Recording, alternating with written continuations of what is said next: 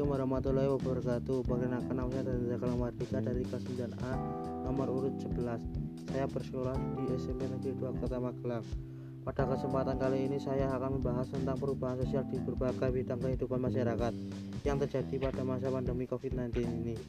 Kehadiran pandemi COVID-19 telah mengubah tatanan hidup dalam waktu singkat.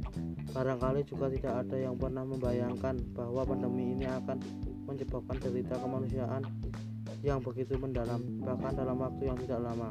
Pandemi ini telah menyebabkan secara cepat dalam skala luas dan menimbulkan banyak korban jiwa.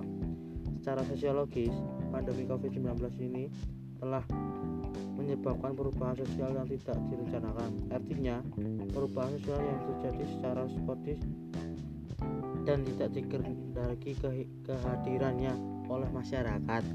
Akibatnya, Ketidaksiapan masyarakat dalam menghadapi pandemi ini pada gilirannya telah menyebabkan disorganisasi sosial di segala aspek kehidupan masyarakat.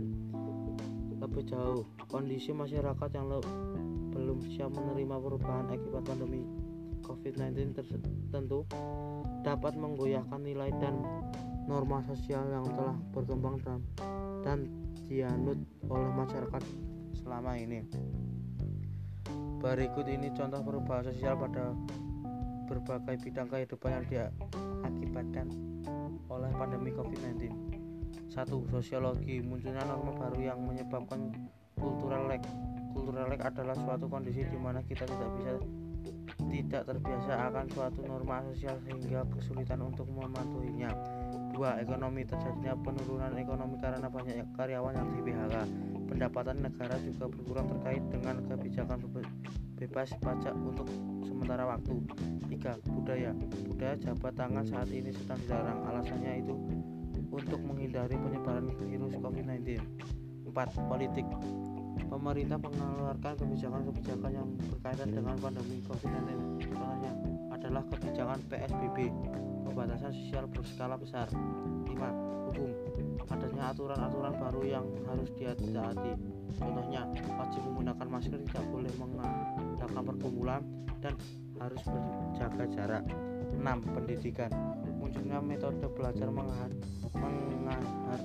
mengajar baru yaitu dengan media daring Meskipun demikian, masyarakat pada dasarnya memang akan selalu mengalami perubahan. Masyarakat tidak bisa dibayangkan sebagai keadaan yang tetap, melainkan sebagai proses yang senantiasa berubah dengan derajat, kecepatan, intensitas, irama, dan tempo yang berbeda.